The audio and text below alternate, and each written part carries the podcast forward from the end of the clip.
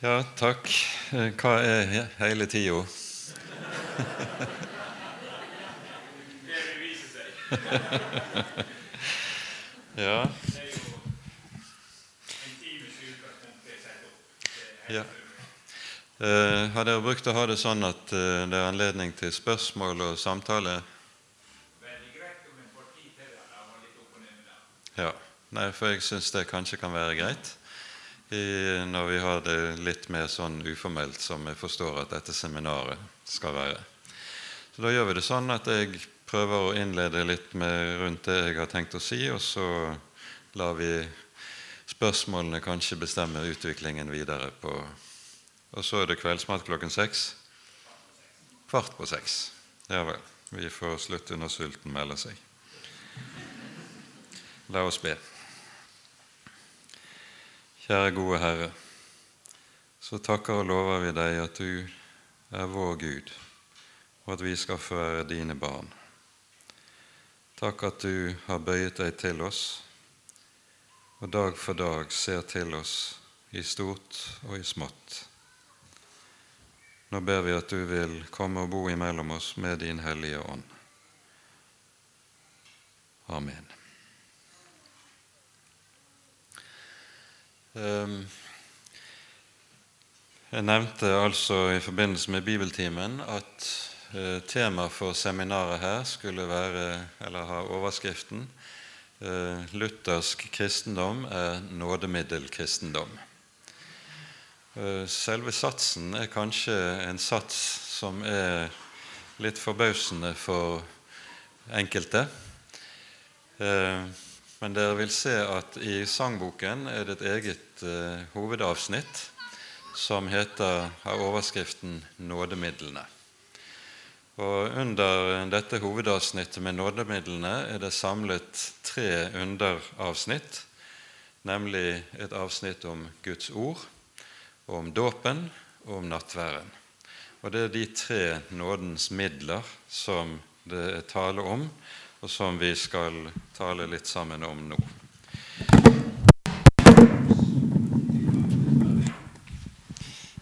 Ja, det var ikke meningen.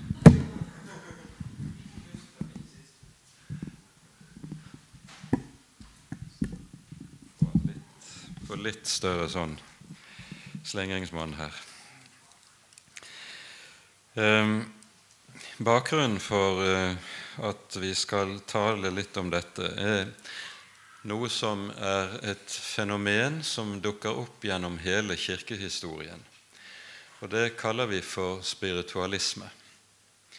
Spiritualismen det er betegnelsen på et eh, strømdrag kirkehistorisk som eh, er kjennetegnet ved at det har problemer med å forholde seg til det skapte, konkrete, fysiske, materielle virkelighet. Og spiritualismen har ytret seg på ulike måter oppover gjennom historien.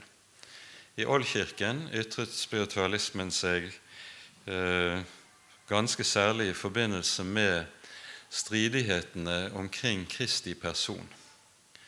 For Det som kjennetegnet spiritualismen, den kommer egentlig fra gresk tenkning og gresk virkelighetsoppfatning, som setter et skarpt skille mellom den åndelige virkelighet og den materielle virkelighet, der den fysiske eller materielle virkelighet er mindreverdig, eller, sånn som det var i deler av gresk filosofi, den ble sett på som ond.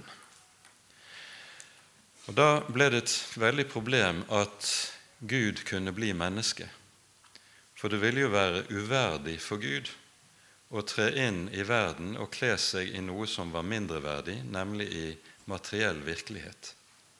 Og Dette er bakgrunnen for det vi kaller for de kristologiske stridighetene i Oldkirken, der det stadig oppsto retninger som ikke kunne ta på alvor det nytestamentlige vitnesbyrdet om at i Jesu person så blir Gud menneske av kjøtt og blod.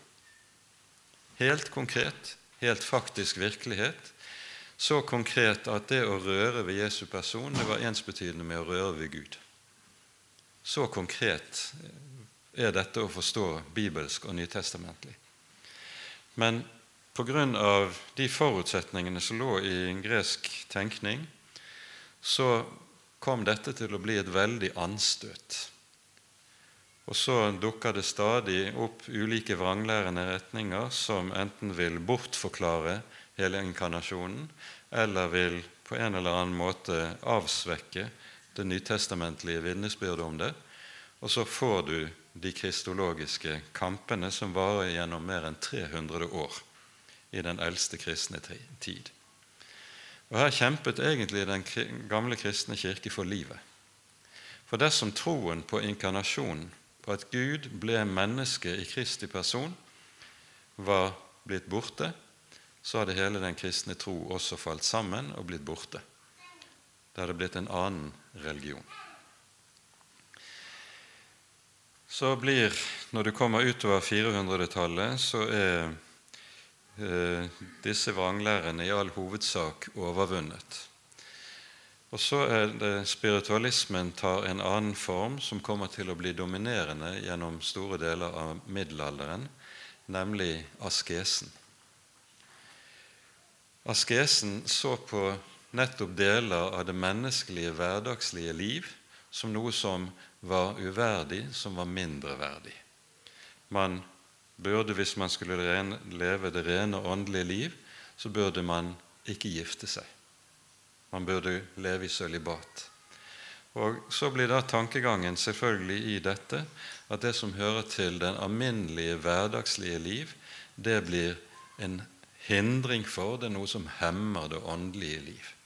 På ny et annet utslag av spiritualismen, men det grunnleggende det samme som ligger under. Når vi kommer til reformasjonen, så ytrer dette seg på ny måte. Jeg nevnte under bibeltimen i formiddag at Luther på mange måter er den som gjenoppdager skapelsen og betydningen av skaperverket. Og Dette kommer også til uttrykk i hele hans teologi. Ikke minst i det som kalles for nådemiddelteologien. For nådemiddelteologien den handler om at når Gud kommer til oss, så kommer Han til oss gjennom ytre, skapte midler. Han kommer til oss gjennom lydbølger eller papir og blekk. Papir og blekk som er gitt oss i Den hellige skrift, i Bibelen. Lydbølger som når øret vårt når evangeliet forkynnes eller han kommer til oss gjennom vann, nemlig i dåpen, eller gjennom brød og vin i den hellige nattverd. Gud tar i bruk konkrete, skapte, materiell, fysisk virkelighet når han vil komme til oss. Og Nettopp dette vekker anstøt på to hold under reformasjonen. For det første i den bevegelsen som kalles for svermerbevegelsen. Den eh, dukker opp nokså tidlig, allerede når Luther sitter eh, på Wartburg i skjul for keiserens bannlysning. Så dukker det opp eh, såkalte himmelske predikanter i Wittenberg, og Philip Melanchthon skriver til Luther og lurer på hva dette er for noe. Han skjønner Det høres så åndelig ut. Eh, men og Melanchthon vet ikke helt hvordan han skal møte dette. For det er så mye som også høres riktig ut, synes han. Og Det som kjennetegnet disse predikantene, det var at de kunne fortelle at de hørte Guds røst tale i sitt eget hjerte. Guds hellige ånd kom ikke til dem gjennom en ytre tale i forkynnelsen av Guds ord. Nei, de hørte Guds røst tale direkte i sine egne hjerter. Gud åpenbarte seg for dem. De var på en måte åndelige av en litt høyere grad enn vanlige mennesker og vanlige teologer. Og så kunne de imponere med sin store åndelighet. Dette, kaller, dette er noe som etter hvert kommer til å tilspisse seg veldig og blir til slutt det som Luther kommer til å avvise som svermerbevegelsen. Og Det som kjennetegner svermerbevegelsen rent prinsipielt, det er at den setter et skarpt skille mellom Ånden og Ordet. Den hellige ånd kan komme til mennesker uten og utenom det ytre Guds ord. Den hellige ånd kan tale direkte i menneskets eget hjerte, uavhengig av det ytre Guds ord. Det er jo noe som umiddelbart får et eh, serverer oss et meget klart problem. Hvordan kan noen vite forskjell på hva som er hans egne tanker, og hva som egentlig er fra Gud? Det blir umulig å sette slike skillelinjer som det. Og Når Luther senere forfatter et eh, skrift som kalles for de smalkaldiske artikler. Det forfattes i 1537. Så er det Luther sin bekjennelse som nedskrives forut for at man forventet at det skulle tillyses et allment konsil der de lutherske skulle få anledning til å legge frem sin tro og avlegge regnskap for det evangelium som de bekjente. Konsilet ble aldri noe av. Men Luther har da allerede forfattet dette bekjennelsesskriftet, som er inngått i Konkordieboken og kalles for de sjmalkaldiske artikler. Og Her i de sjmalkaldiske artikler så tar også Luther opp svermeriets problem. Og Her sier han det så radikalt at alt som skryter av Den hellige ånd uten det ytre ord, er av djevelen. Det er meget krast, men Luther hadde sett konsekvensene av hva svermeriet kunne bære med seg. Det endte jo med forferdelse i eh, bondekrigene i 1525, der svermeriet var mye av drivkraften i, i eh, det som førte til bondekrigene. Så Luther kan meget frimodig si nettopp dette. Alt som skryter av Den hellige ånd uten det ytre Guds ord, er av djevelen. Det andre måten spiritualismen dukker på, opp på under reformasjonen, det er i forbindelse med læren om sakramentene. Og Der møter vi Svingli, og vi møter Calvin, senere Svinglis avtaker Calvin.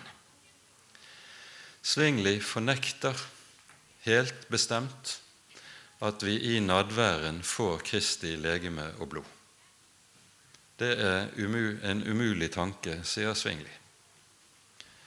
Derfor må det være slik at i nadværen får vi kun noe som er et symbol, som symboliserer Kristi legeme og blod.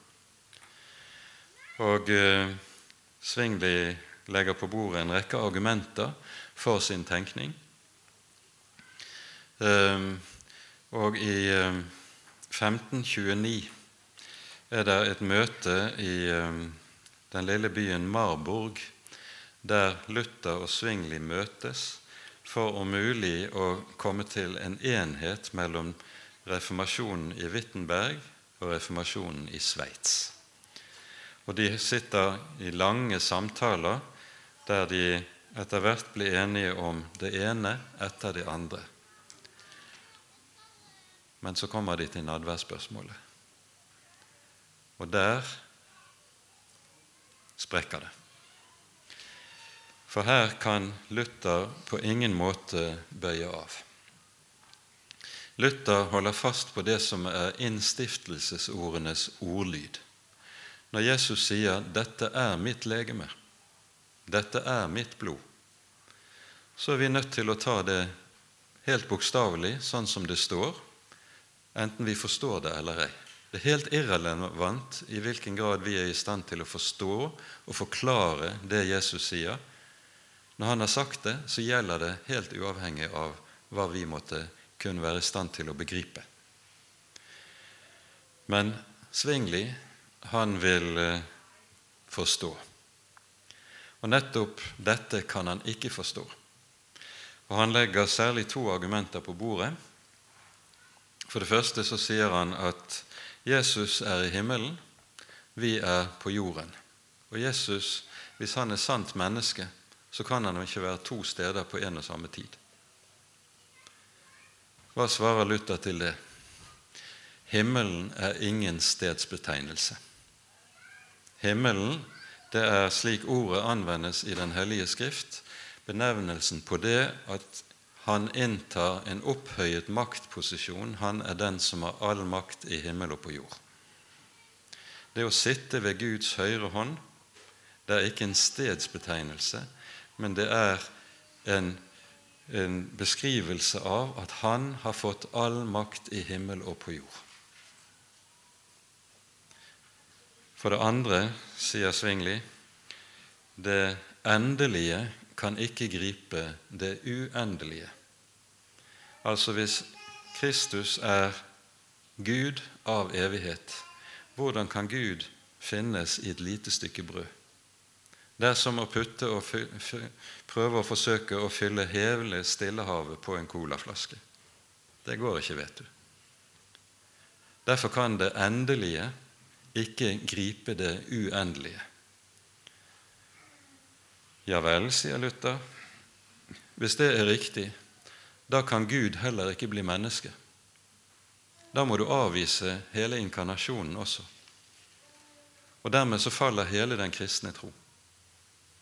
Så Luther er ikke villig til å bøye av fra noen av Svingli sine fornuftsargumenter.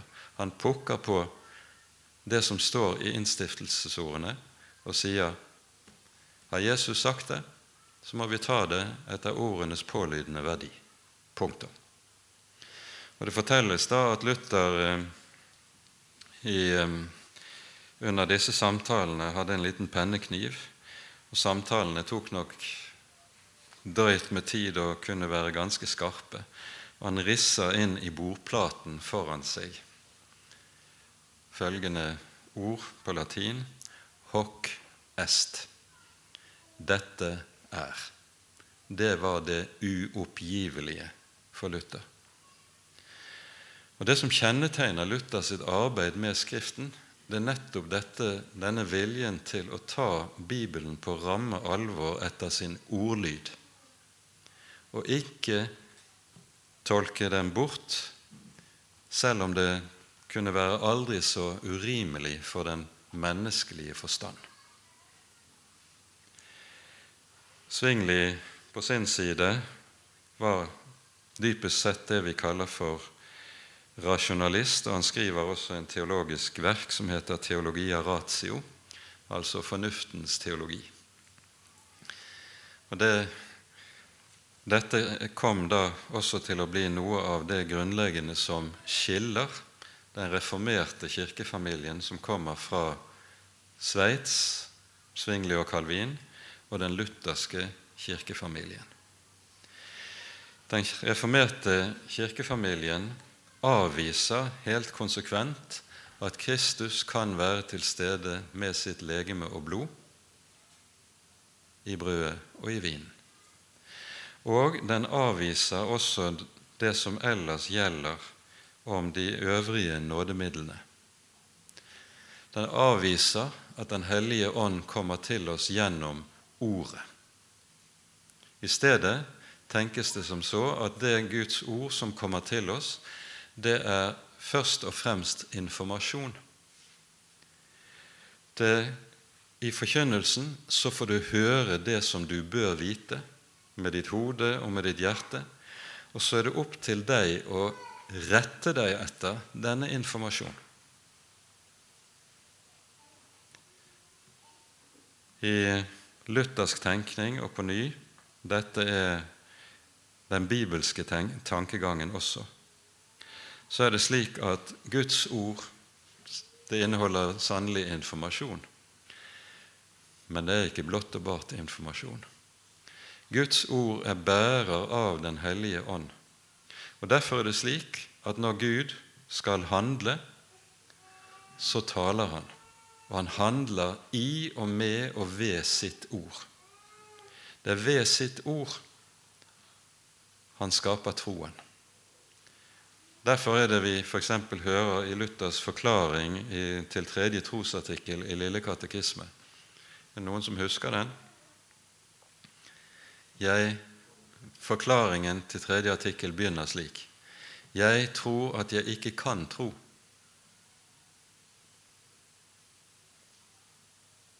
På Jesus Kristus eller komme til ham av egen fornuft eller kraft. Men Den hellige ånd har kalt meg Hvordan har han kalt meg? Ved evangeliet.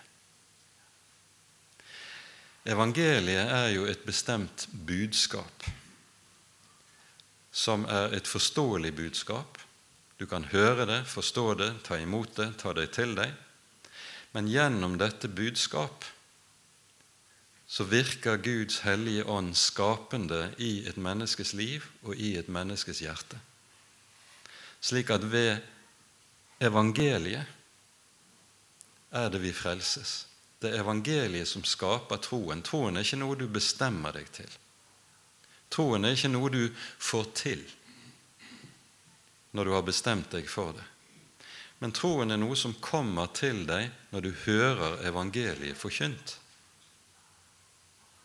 Og så skaper evangeliet denne tro. Derfor sies det i Romerbrevet troen kommer av forkynnelsen. For der evangeliet forkynnes sant og rett, der skaper Guds hellige ånd troen i menneskers hjerter. Du behøver ikke kave for å få til å tro. Det er fåfengt allikevel. Du skal bare lytte til budskapet om Jesus. Så kommer det. Så kommer, så kommer troen. Poenget i det som vi skal ha for oss nå i dag, det er at evangeliet det er noe som kommer til oss i ulike skikkelser. Evangeliet kommer til oss i form av et budskap som forkynnes, som du hører når vi samles om Guds ord, som du leser når du leser Den hellige skrift. Men evangeliet kommer også gjennom de ytre midlene som heter dåp og nadvær. Dåpen er rent og ublandet evangelium. Og Det samme gjelder Den hellige nattvær. Nadværen er rent og ublandet evangelium. Og det kommer til oss da i en konkret ytre skikkelse. Så er det noen som sier ja, hvorfor har Gud gjort det sånn? Er ikke det nok at vi har forkynnelsen, da? Vil du stille spørsmål ved Guds handlemåte? Tror du Gud har gitt oss noe vi ikke vi trenger? Svarer Luther til det. Gud vet at vi trenger Troen vår er så svak at vi ofte trenger å få evangeliet på mange forskjellige måter for at hjertet skal ha en rik og stadig trøst. Så dette ligger i Guds råd. Og Det betyr at Luthers kristendom nettopp er det vi kaller for nådemiddelkristendom. Det er en kristendom som vet at den lever av disse ytre nådens midler, og at Guds folk det er et folk som er samlet om nådens midler. Og Da må vi lese fra Kirkens bekjennelse. Vi har fått noen bokanbefalinger tidligere i dag. Alle burde ha den lutherske kirkes bekjennelsesskrifter og gjøre seg fortrolig med det. Jeg får lov til å spørre dere ungdommer hvor mange av dere har lest den augsburgske bekjennelsen? Et par. Flott. Det kunne vært noen flere. I, I, denne bekjennelsen Den ble lagt frem i 1530 på riksdagen i Augsburg. Da ville keiser Karl sørge for fred i sitt rike, og da tenkte han på at han ville ha religionsfred. Flere av fyrstedømmene i Tyskland de bekjente seg til den lutherske reformasjon, mens andre holdt fast på den katolske kirke. Og Han kunne ikke ha denne religionssplittelse i sitt rike. Så etter at tyrkerne var overvunnet i 1529, kunne altså rikets ytre fiender var overvunnet, så kunne han venne seg til problematikken med de indre problemer i riket. Så tillyses riksdagen i Augsburg, og de lutherske får anledning til å legge frem sin bekjennelse. Det er den augsburgske bekjennelse. Og Den kom til å bli den grunnleggende lutherske bekjennelsen, som alle lutherske kirker eh, holder fast ved. Og her den er det inndelt i 28 artikler. Og vi skal i, for, som, for vårt emnes vedkommende lese artikkel 5. For at vi skal komme til denne tro, er det innstiftet en tjeneste med å lære evangeliet og meddele sakramentene, sies det. Legg merke til ordlyden. Det står 'for at vi skal komme til denne tro'. Hvilken tro er det det taler om? Jo, det er omtalt i artikkel 4 som ligger foran, der det taler om rettferdiggjørelsen av tro for Kristi skyld. Det som jo kalles den artikkel som Kirken står og faller med. Denne tro er det det taler om. For at vi skal komme til denne tro, er det altså innstiftet en tjeneste med å lære evangeliet og meddele sakramentene. Sakramentene det er dåp og nadvær. Det er altså nådens midler. Og så fortsetter det. For ved ordet og sakramentene som midler blir Den hellige ånd gitt. Han som virker troen hvor og når Gud vil, i dem som hører evangeliet nemlig at Gud, ikke for våre fortjenesters skyld, men for Kristi skyld, rettferdiggjør dem som tror at det blir tatt til nåde for Kristi skyld. Hva er poenget med dette? Poenget med dette er at evangeliet med nødvendighet alltid er noe som må komme til oss utenfra. Det henger sammen med det som bekjennelsen sier, og det som Bibelen sier om syndens realitet i mennesket. For hva er det syndefallet innebærer for mennesket? Syndefallet innebærer ikke bare at man faller, og så begynner vi å få lyst til det onde, til å gjøre dårlige gjerninger. Ja, syndefallet fører med seg at den onde lyst får plass i våre hjerter. Det gjør det sannelig. Men det gjør noe mer. Synden blir en makt som hersker over mennesket, og den hersker over vår vilje, vårt følelsesliv og vår forstand. Forstanden er også underlagt syndens herredømme. Og Det betyr helt konkret at intet menneske er i stand til å tenke seg frem til frelsen. Du finner ikke kilden til noe av det som hører frelsen til, i ditt eget hjerte. Hvor mye du enn leter i ditt eget hjerte, så, kom, så gis det ingen forutsetninger i oss selv for frelsen eller for det som hører frelsen til. Alt må komme til oss utenifra. Og Derfor er vi helt avhengig av å komme der hvor evangeliet lyder. Du må høre evangeliet forkynt. Og der du får høre det rent og klart og tydelig, der fryder hjertet seg. Du er helt avhengig av å få det gitt deg utenfra gjennom Den hellige dåp og gjennom Den hellige nadvær. Evangeliet kommer alltid til oss utenifra. Derfor er det på det åndelige området akkurat som på det legemlige eller fysiske området.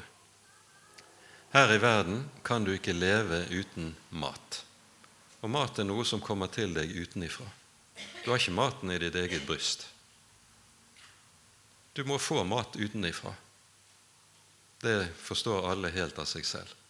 Og nøyaktig på tilsvarende måte er det også på det åndelige livsområdet.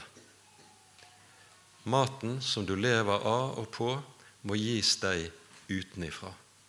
Og det er det som kommer til oss og skjenkes oss i nådens midler. Nå kunne man stille spørsmålet i forhold til det vi har hørt. Ved ordet og sakramentene som midler blir Den hellige ånd gitt. Er det dekning for det i Bibelen? Vi kan ganske kort ta et lite sveip i vår bibel og i vårt Nytestamente. Og Der vil du se meget raskt at dette er noe som gis oss meget tydelig og meget klart i Det nye testamentet. Du får Den hellige ånd gjennom å lytte til evangeliet i Guds ord. Slå opp i Galaterbrevet kapittel 3.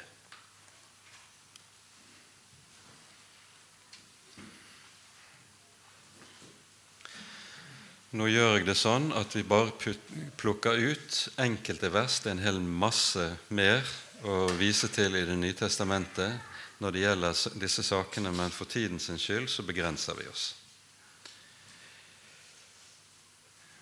I det andre kapittelet i Galaterbrevet så har Paulus sammenfattet i en meget kort og eh, kompakt sum det som er innholdet i evangeliet. Og så kommer det sterke spørsmålet i kapittel 3 fra begynnelsen av. Dere uforstandige galatere, hvem har forhekset dere? Dere har fått Jesus Kristus malt for øynene som korsfestet. Hvordan har det skjedd? Hvordan har de fått Jesus Kristus malt for øynene som korsfestet? Det er jo det Paulus sin forkynnelse har gjort. Han har med sitt budskap, med sin evangelieforkynnelse, så har han malt Jesus Kristus korsfestet for dem. Og så spør han videre bare dette vil jeg få vite av dere. Var det ved lovgjerninger dere fikk Ånden, eller ved å høre troens forkynnelse? Lovgjerninger, hva er det? Det er at et menneske strever med seg selv for å forandre seg selv og bli slik en tenker at Gud vil en vil ha en.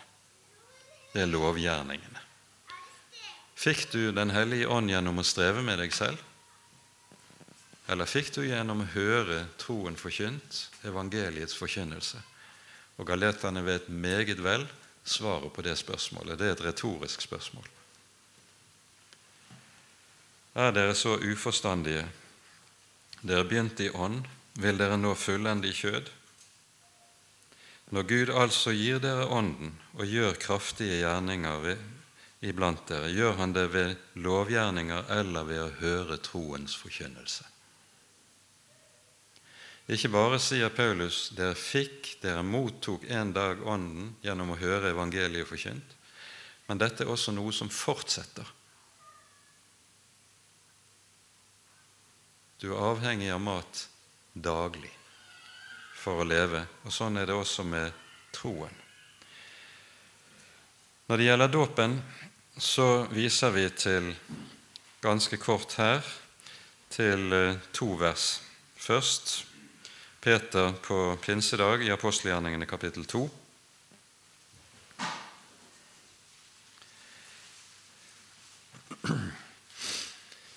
Peter har holdt sin store tale på pinsedag.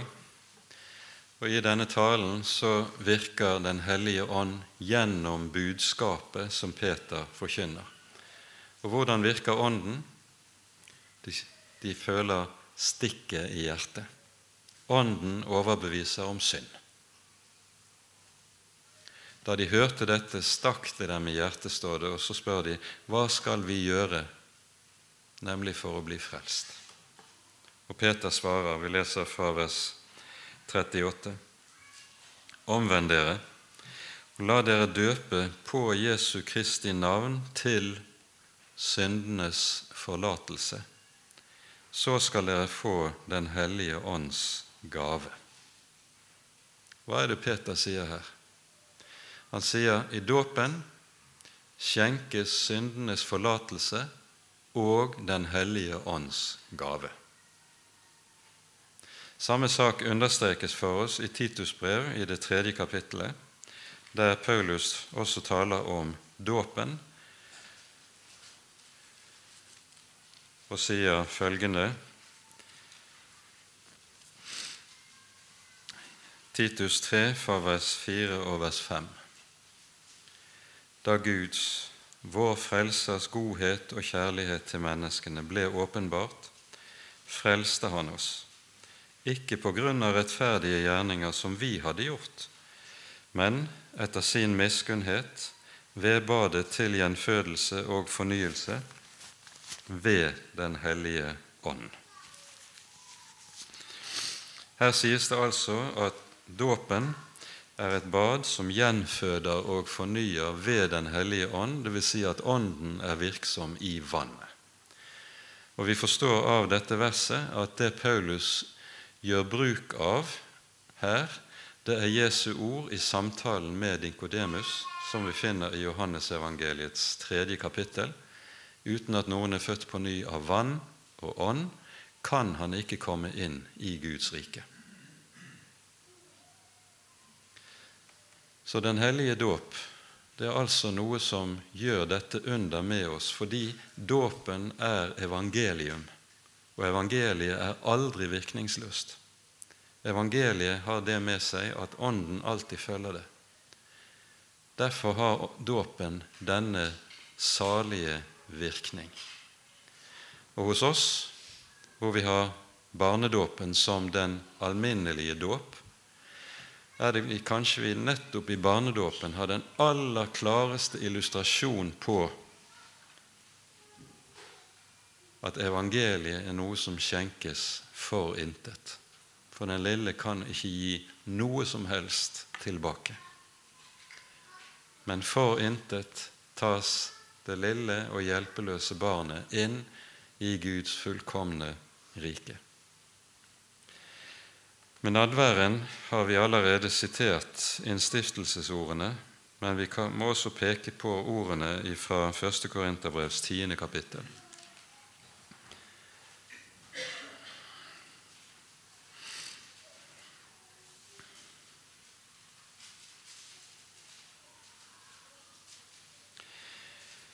Her skriver Paulus i vers 16 og vers 17 velsignelsens beger som vi velsigner, er det ikke samfunn med Kristi blod? Brødet som vi bryter, er det ikke samfunn med Kristi legeme? Fordi det er ett brød, er vi ett legeme, enda vi er mange, for vi har alle del i det ene brød. Ordet som her er oversatt med 'samfunn med', det kunne like godt vært oversatt med 'delaktighet i'. Du blir delaktig i Kristi legeme og blod i den hellige nattverd. Og Tankegangen er jo den I går ble vi under nadværmøtet minnet om påskemåltidet. Her er det sånn at Israels folk sitter samlet bak lukkede dører under blodet og eter påskelammet.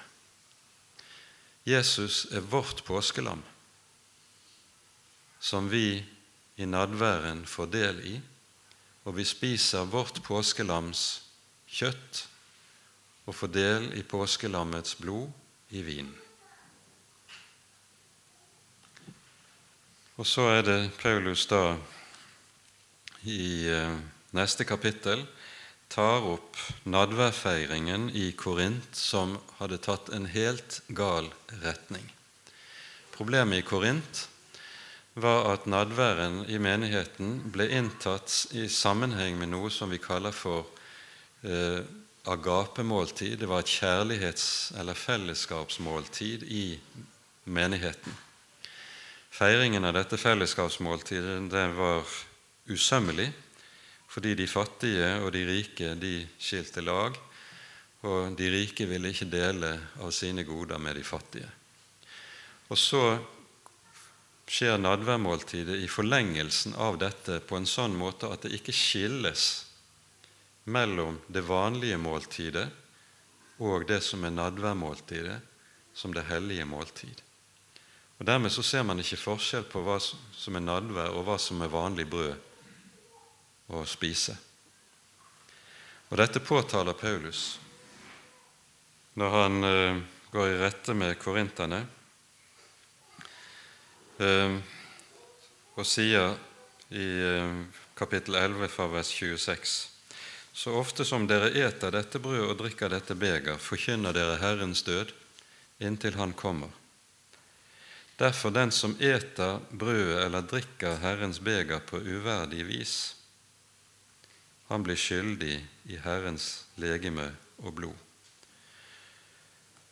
La hvert menneske prøve seg selv, og så eter brød og drikke av begeret. For den som eter og drikker, han eter og drikker seg selv til dom, dersom han ikke gjør forskjell på Herrens legeme. Det synes kanskje litt mystisk måte å uttrykke seg på, men når Paulus sier 'gjør forskjell på Herrens legeme', så sikter han nettopp til dette at det må og skal gjøres forskjell på nadværen og på vanlig mat. For det er en vesensforskjell. Til sist, og så lar vi ordet være fritt etter dette I eh, Fjerde Mosebok er det vi hører fortellingen om kobberslangen i ørkenen, 4. Mosebok kapittel 21. Folket har syndet mot Herren. De rammes av Guds dom, som ved denne anledning tar form av slanger som biter folket. Så hører vi at folket erkjenner sin synd og går til Moses og sier, 'Vi har syndet, be for oss at Herren vil ta fra oss slangene.' Og så er det Moses da på Herrens befaling får dette underlige påbudet. Du skal gjøre deg en slange av kobber. Og så skal du sette den på en stake midt i leiren. Og så vil jeg gjøre slik, sier Herren, at hver den som er bitt og ser på kobberslangen, skal leve. Hvis noen er bitt av en slange, og har slangegiften rullende i årene sine og ser på en kobberslange, vil han da bli helbredet? Overhodet ikke. Hva er det som gjør kobberslangen til et nådemiddel? Kobberslangen er noe rent ytre, fysisk. Det er få ting som er mer fysisk enn en sånn metallgjenstand. Den har tyngden i seg. Hva er det som gjør den til et nådemiddel? Gud har knyttet sitt løfte til den. I seg selv er den ingenting, men Gud har knyttet et løfte til den. Og i kraft av Guds løfte så blir eh, kobberslangen et nådemiddel som gjør at hver den som ser, skal leve. På samme måte er det vår Herre Jesus har knyttet løfte til vannet i dåpen. I seg selv kan vann ingenting gjøre. Vann kan ikke frelse. Men når Jesus knytter sitt løfte til det, da blir det et nådemiddel. Og Nøyaktig det samme gjelder med nadværen. I seg selv er brød og vin bare brød og vin. Men når Jesus innstifter nadværen og knytter dette løftet sammen med dette, da blir det hellig nadvær, og så er det et nådemiddel. Og så vet en kristen at det er på denne måten, gjennom å høre evangeliet, gjennom å bli døpt, gjennom hyppig å gå til Herrens bord og ta imot Hans legeme og blod. Det er på denne måten jeg holdes oppe i troen inntil den siste dag. Luthers kristendom er nådemiddelkristendom. Det er en kristendom som vet jeg trenger å få utenfra det jeg må ha for å nå det evige liv. Jeg har det ikke i mitt eget bryst. Det var en lang innledning. og Da tror jeg at vi kanskje skal la det åpnes opp med tid for spørsmål eller kommentarer hvis det er behov for det. Så vær så god.